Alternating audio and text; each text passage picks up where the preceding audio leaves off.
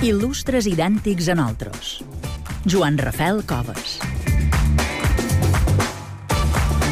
Encetam la nostra secció d'il·lustres idèntics a nosaltres en Joan Rafel Coves. Aquí tenim el plaer de saludar. Joan Rafel, com estàs? Molt bon dia. Molt bon dia. Te veig una mica seriós avui. Què mos passa, no, no, Joan bueno, Rafel? Que, que vols aprofitar de jo. Ah, Me feia, me feia, Quan no hi ets? Me feia l'abús. Ah, Quan vas- se veu, a més... vas escoltar l'himne d'aquest que equip gran, no? Sí, bueno, d'aquest Ah. equip. saps qui te'l va dedicar, no? La nostra estrella de la setmana, a més. No en tenia cap dubte, sí, Ah? i per això seré benevolent, perquè crec que és una setmana perquè gaudeixi del- dels La èxits. Magdalena Serra, no? Que fa estona que no li dono si Barça, no però que sí. no? Sí, exacte, els èxits que fa estona que no li dono Barça, però que ell aconsegueix. Eh? Un exemple a seguir per, No me per Jan veure Barça. men com va aquesta temporada, perquè t'he de dir, crec que ja t'ho vaig dir una vegada, que jo conec tanta gent que m'agrada molt i que la considero quasi perfecta fins que sé que són del Madrid. Vinga, anem a començar la secció amb una mica de música.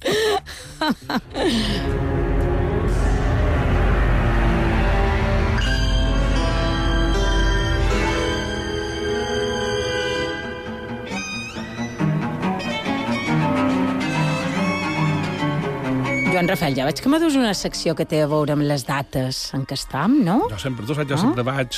Aferrat a el dia, el dia. uh, bé, avui uh, no començarem des del naixement de la nostra protagonista, per això convendrà contextualitzar una mica. Eh? Estaríem al segle XVII, estem en una de les èpoques més oscures de la història de Mallorca, els seus habitants viven dominats per la por i l'Església aprofita aquest temor del poble per controlar-ho tot, a canvi de la protecció de sants, Mare de Déus i Sant Cristos. Hem de pensar que els cristians d'aquella època eren molt devots, fermament creents, i això no només volia dir creure a les benaurances de Déu Nostre Senyor, sinó també amb el seu antagònic, en l'encarnació del mal, amb el Lucifer, la mort, les malalties, les desgràcies, les pestes, tot allò, el que podia temer un pobre i trist mallorquineta o mallorquineta, semblava tenir relació amb aquell ésser maligne que apareixia als sermons de les esglésies. També hem de tenir en compte, Joan Rafel, que la gent d'aquella època no tenia cultura general, no? La cultura que tenim ara no s'havia avançat tant en ciència, especialment en salut, no? T'havies d'encomanar als sants, així, Sí, no? era així, i també no deixaven de ser mallorquins, no? Que també és una sempre hem estat, característica, sempre hem sí. estat d'això de passar pena. Eh? Tots, tots sabem què és passar pena a Mallorca. Es passa pena quan s'ha d'examinar, quan s'arriba tard una cita, quan el Mallorca perd...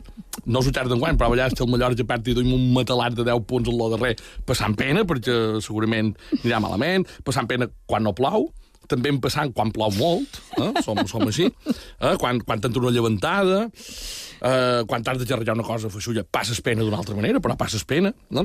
Eh, hi ha mallorquins, de fet, que no han deixat mai de passar pena fins que no han estat titulars d'una tomba. Eh? Per allò, també tan mallorquí de, de no tenir on caure mort. Eh? Quan, quan ja tenen la tomba, generalment moren tranquil·lament. Com a mínim, Eh, no? sí. Per tant, entre el temor infundat per l'Església i els passadors de pena, que, que eren i que som, uns mallorquins, eh, en aquell temps era fàcil i lògic que es xampassen creences en tot tipus d'éssers divins i també màgics, eh, que no tan sols fossin capaços de fer el bé, sinó també, i sobretot, el mal. No sé molt bé, estic intentant situar-me, no sé molt bé cap on ens vols dur, però amb aquesta contextualització que estàs fent avui comença a passar una mica de pena, no? Veus? Veus com? Ah! Ja, ja passant pena. M'has eh? agafat absolutament. I de- He improvisat, tens raó, tens bé I de de raó, de passar sí. gent de pena? Oh, sí, eh? No, no, no ho sé, eh, exactament. Al final, aquella societat era a parts iguals, creent i supersticiosa. Per tant, aquella societat no només fiarà la seva sort d'allò que no pot controlar o que no hi pot trobar explicació, només a la religió, sinó que començarà a sorgir en l'imaginari popular tot un seguit de figures com les de les fatilleres o les bruixes i els bruixots, en què els pobres desgraciats s'aferraran. Solien ser aquestes dones que estaven eh, per damunt de la societat.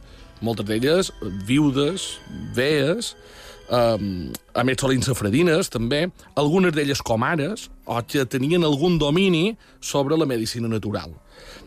Si les collites no eren bones, a migdia a resar la Mare de Déu, i d'entrada de fosca veure la bruixa de la contrada. Si un familiar amb malaltia, el de matí un cicle de sang, que sí, ja existia, eh? perquè hem de pensar que és anterior a l'any 1664, ho he cercat, i haver sopat a cercar el beuratge de la fatillera que vivia davall al pont de les estacions, que no saben si existia o no, però és un pont com a màgic, perquè ha anat canviant d'ubicació segons la necessitat de la ciutat. Um, això sí, mai ningú reconeixerà avarianat. És un poc com, com això del programa del Corazón. Eh? Sí. Que, que ningú els veu, ja ho sabem, sí. però justament quan arriba sense avisar ja qualcú, sí. sempre té Telecinco posat. Clar, eh? però bé, diu, que era "No, tocar teva, per exemple... Que nostre sempre hi ve. Sempre hi ve tres, Sempre, no? sempre, Això. sempre. Uh, Ja veig que avui, eh, Joan Rafel, eh, la cosa anirà d'una bruixa o fatillera, en fi, que ens podem en moda Halloween on, però una bruixa i una fatillera són sinònims? Hi ha alguna diferència? bona pregunta. Ah. Això, això ho feis, periodista. Bona pregunta.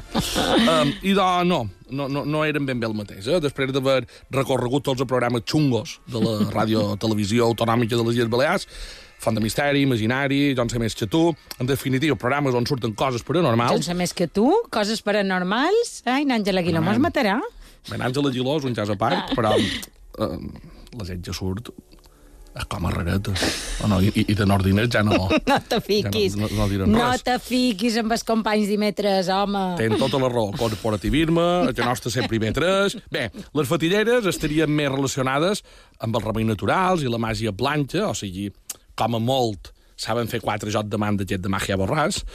Eh, en canvi, les bruixes, al tanto les bruixes, eh? estan més relacionades amb la màgia negra.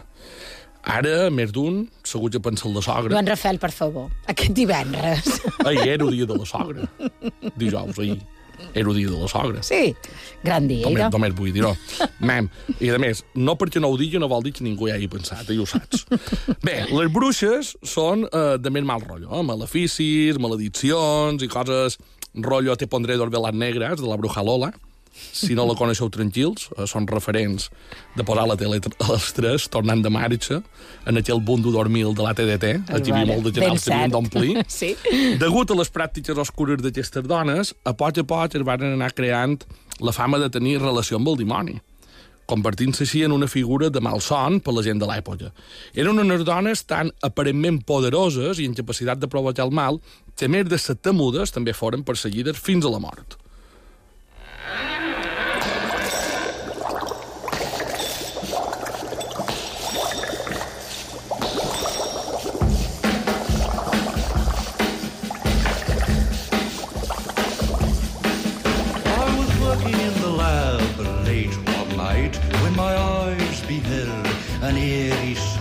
For my monster from his slab began to rise, and suddenly, to my surprise, Com en dia que davallàssim una mica la, el, el, a la nostra il·lustre, o Sí, mem, ara, Ah? ara ja sí que anem a conèixer la història de la nostra il·lustre Ah, d'avui. una dona, molt bé. Any Ja ho veig. 1622, a Ciutat, en una de les cases senyorials de la l'actualitat és el carrer dels Horts, aferrat al convent de, del Carme en aquell moment, i vivien en Simó i en Antoni Ballester. Un matrimoni de classe alta que acabaria de tenir el seu primer contacte amb el món sobrenatural, un contacte que consistia en intentar enriquir-se amb els favors d'un dimoni anomenat el Negret Lluís. El negret Lluís, vaja nom, no? ja... Però pensa que això era l'any 1600 i pico. Evidentment, ara no podria ser negret, eh? i li haurem de dir Lluís, o Lluïsa, o Lluïse, que no vol dir Lluïsa en sineuè, sinó que és això de- d'un neutre. Que ho ets, avui estàs, eh? Me referia que no sembla nom de dimoni, Joan Rafel. Ah, val, val, val. Bé, ma Maria també eh, eh, és un que hi ha, eh? és un nom que ve història, jo no me'ls invento, un nom venen ja de, de sèrie. Uh -huh. jo, si me'ls inventat, ja, ja sé, li posaria Satanàs cor petit, per Mhm. Segurament, sí. Bé, la tràgica història amb el negre Lluís va començar a la localització de petites quantitats d'or que els ballesters anaven trobant a l'hora de ja seva. Com aquell, que ara, per exemple, quan va traient la roba d'hivern, ara bé, encara no fa molt de temps de treure roba d'hivern, però bé, refresca la nit i vas traient una xitxeteta, un batxeritos i tot això, i fitxes la mà a la butxeta i, uep, 20 euritos. Eh? és un potxe tipus això. Què vol dir de tota manera amb allò de que hem de passar pena que no sigui cosa del negret Lluís? No, no, no, no. Perquè ho sabríeu, a més, si fos Ah. cosa seva, eh? perquè Ah. les treballes d'or del Ballester varen venir acompanyades de l'aparició del dimoni a diferents membres de la família que els va comunicar que baix les terres de l'hort s'hi trobava un gran tresor. El gendre del matrimoni ballester va ser un dels membres que assegurava haver tingut la visió d'una figura de no més de quatre pans, eh, totalment negre i vestit de negre, que li contà lo del tresor, encantat que custodiava baix l'or de casa seva. Entre la societat mallorquina de l'època era habitual creure l'existència de tresors enterrats arreu de l'illa, ja que creien que els antics musulmans i també romans, que havien habitat la nostra terra, havien deixat els seus tresors ocults abans d'abandonar-la. Per això hi ha tanta pàrquings subterranis a Palma, perquè era un ja qui som.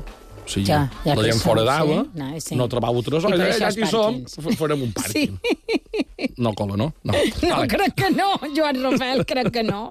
El tema és que aquesta creença del tresors anava acompanyada del que estaven custodiats per éssers màgics.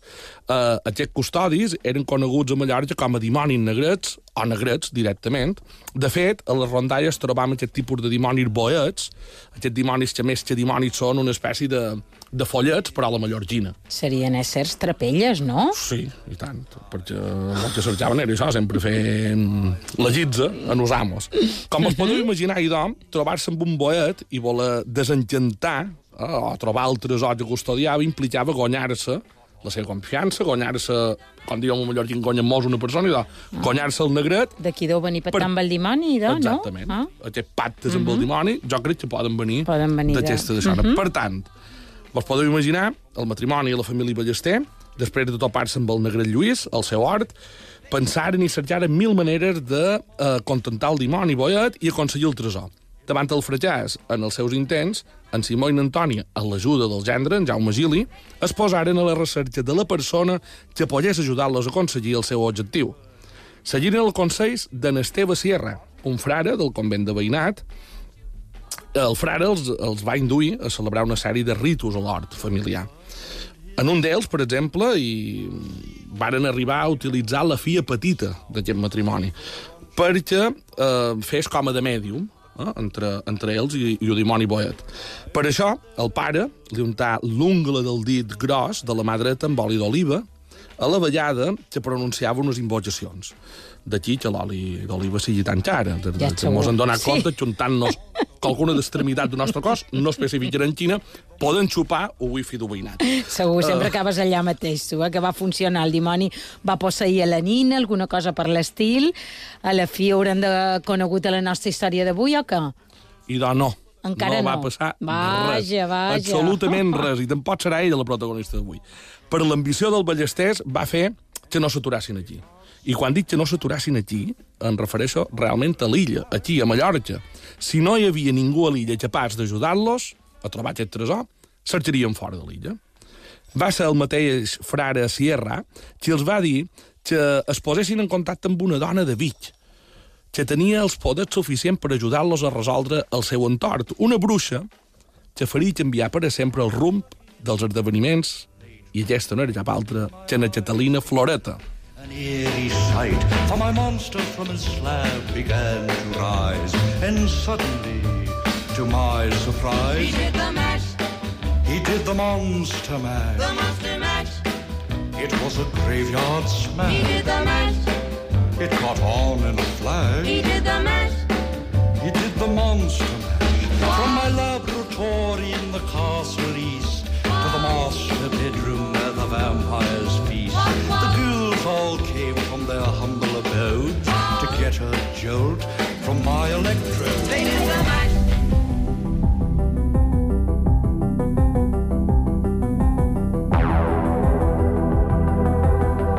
Catalina Floret, a la fi coneixem a la nostra il·lustre d'avui. Bé, coneixem de moment el seu nom, eh? que per cert, a diferència del dimoni, sí que fa per bruixa eh, això de Floreta, no? Quan, sí, però hi Un més. poc, no? Hi pega una Jo m'agrada micona més, no? Fa nom de bruixa, no? Ah, sí, no? No com a Lluís, no? Com, com Que les era? hadas madrinas Ah, sí. de una cenicienta. Sí, de, de, exacte. de, de, no, no, d'una bella durmiente. Exacte. Una fauna, una flora. Sí, eh, en aquest bueno, cas, sí, sí. Quan arriba a Mallorca procedent de Catalunya, la Catalina Floreta ja té 30 anys i, i fama de posseir poders extraordinaris. De fet, fa anys que se la relaciona amb activitat de bruixeria. Deien que tot el que sabia sobre màgia li havia ensenyat un ermità que va conèixer quan era nina.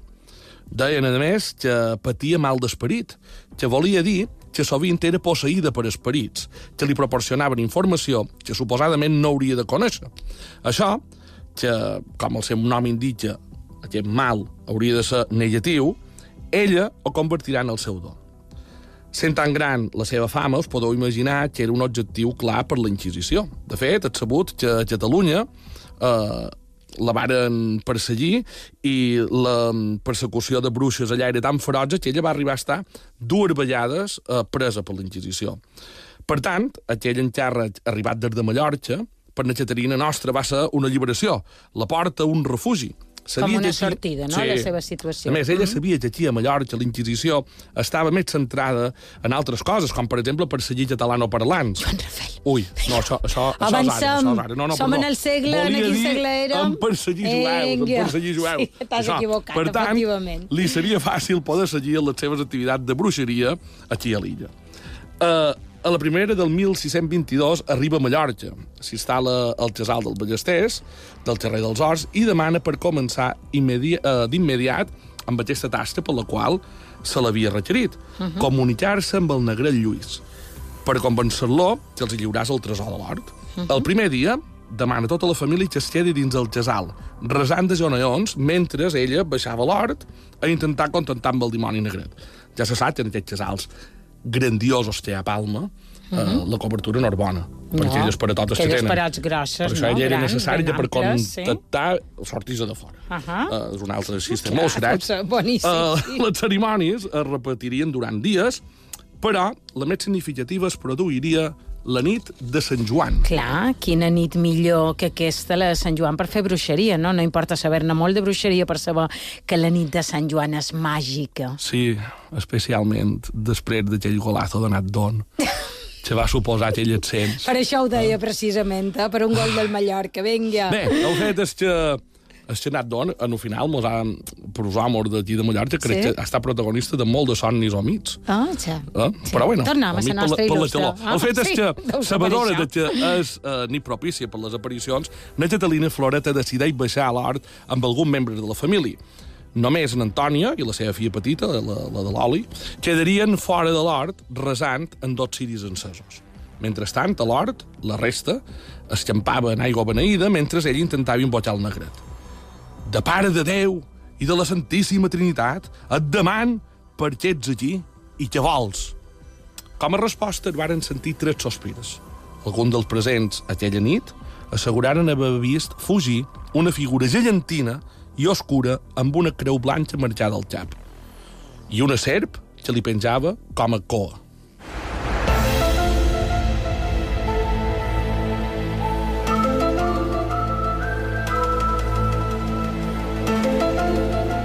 Jesús, amb aquesta imatge jo me mor, eh? quasi.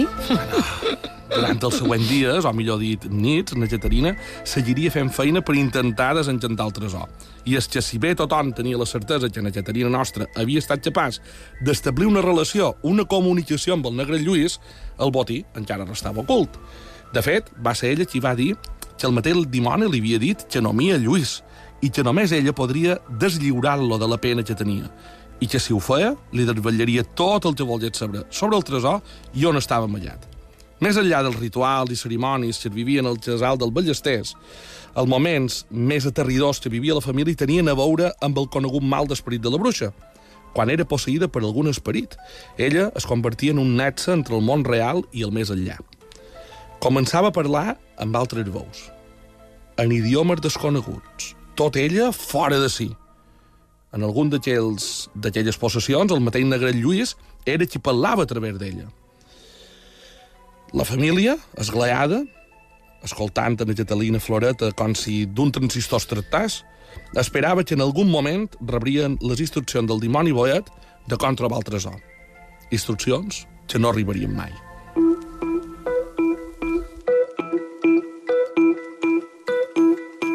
Tell me again about how it hurts being awfully loud for an introvert. Get out of my room.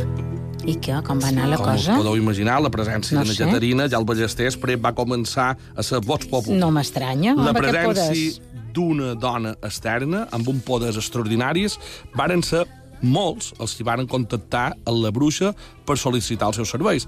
La Català i Floreta no només era capaç de trobar tresors encantats, rebien xarra per fer eh, el que algú, per exemple, s'enamoràs d'algú La altre. Celestina, no? Fins i tot preparava conjurs que asseguraven la mort d'un altre algú.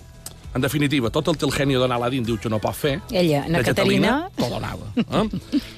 Aquestes lúgrebes activitats, com eren d'esperar, arribarien a les orelles de qui no haguessin desitjat mai que arribessin a Cal Ballesters. Prest se'n fa ressò la Santa Inquisició. Ens trobam a final de juliol. Els ballesters seguien confiant en la Caterina Floret Floreta, perdoneu, per trobar el tresor, amallat a l'hort de casa seva. Però el rumor d'una possible denúncia de la Santa Inquisició ja per la família per allotjar la bruixa a casa seva va fer que s'esbutllés l'estratègia familiar.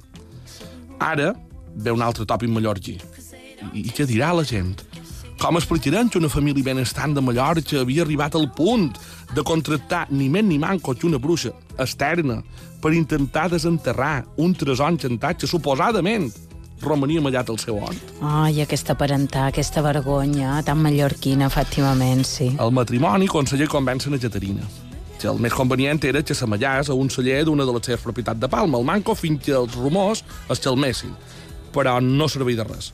Veïns i persones que de manera més o manco indirecta havien presenciat o havien estat implicats en el fet de la recerca del tresor anaren voluntàriament a declarar davant el Sant Ofici.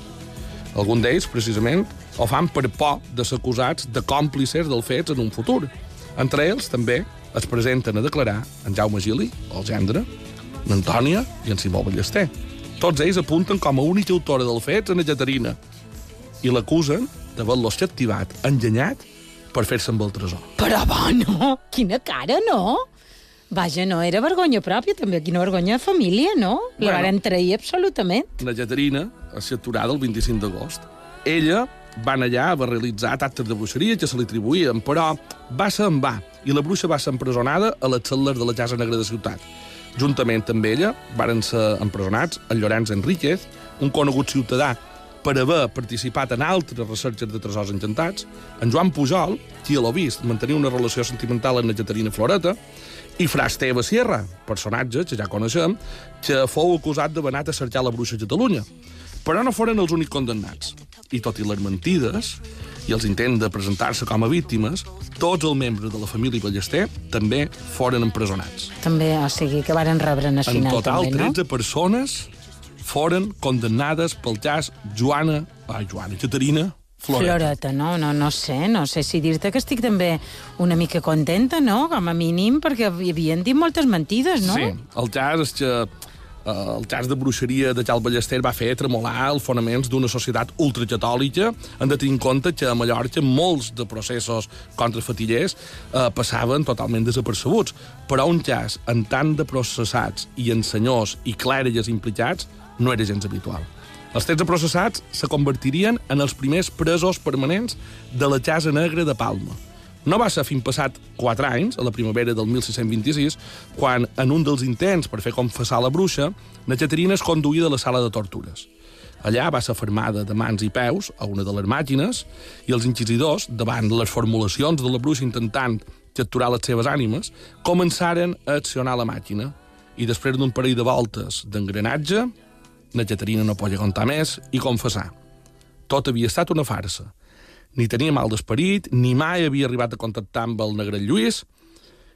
La seva intenció era clara, és que tot quedés com un simple, una simple estafa que ella havia muntat. Mare meva, supos que era millor un càstig per estafador en aquest cas que no pas per haver pactat amb el dimoni, no? Exacte, jo crec que això do, doia pensar ella. Després de la seva confessió, el Tribunal Inquisitorial va dictar sentència pel 13 processats, tot i que per un d'ells ja era massa tard.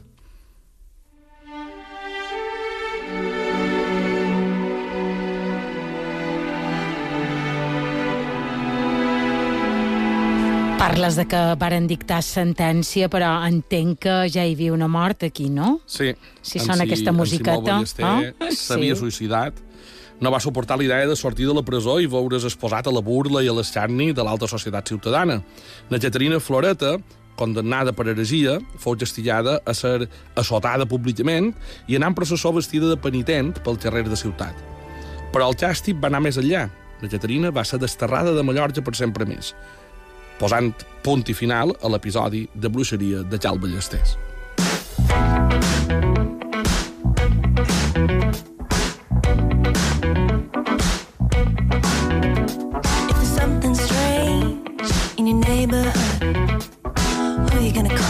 Vaja història, eh, la Anna Caterina Floreta, no la coneixia. Per eh? ambientar un poc No, les dates no, que ja ho he vist, molt, molt interessant, sí, sí, de Halloween, efectivament. ànimes, o el que li vol Sí, nit de les ànimes, millor per aquí. Vinga, Joan Rafel, moltes gràcies. Salutacions a la Magdalena. Bon cap de setmana, Magdalena. Adéu, bon cap de setmana.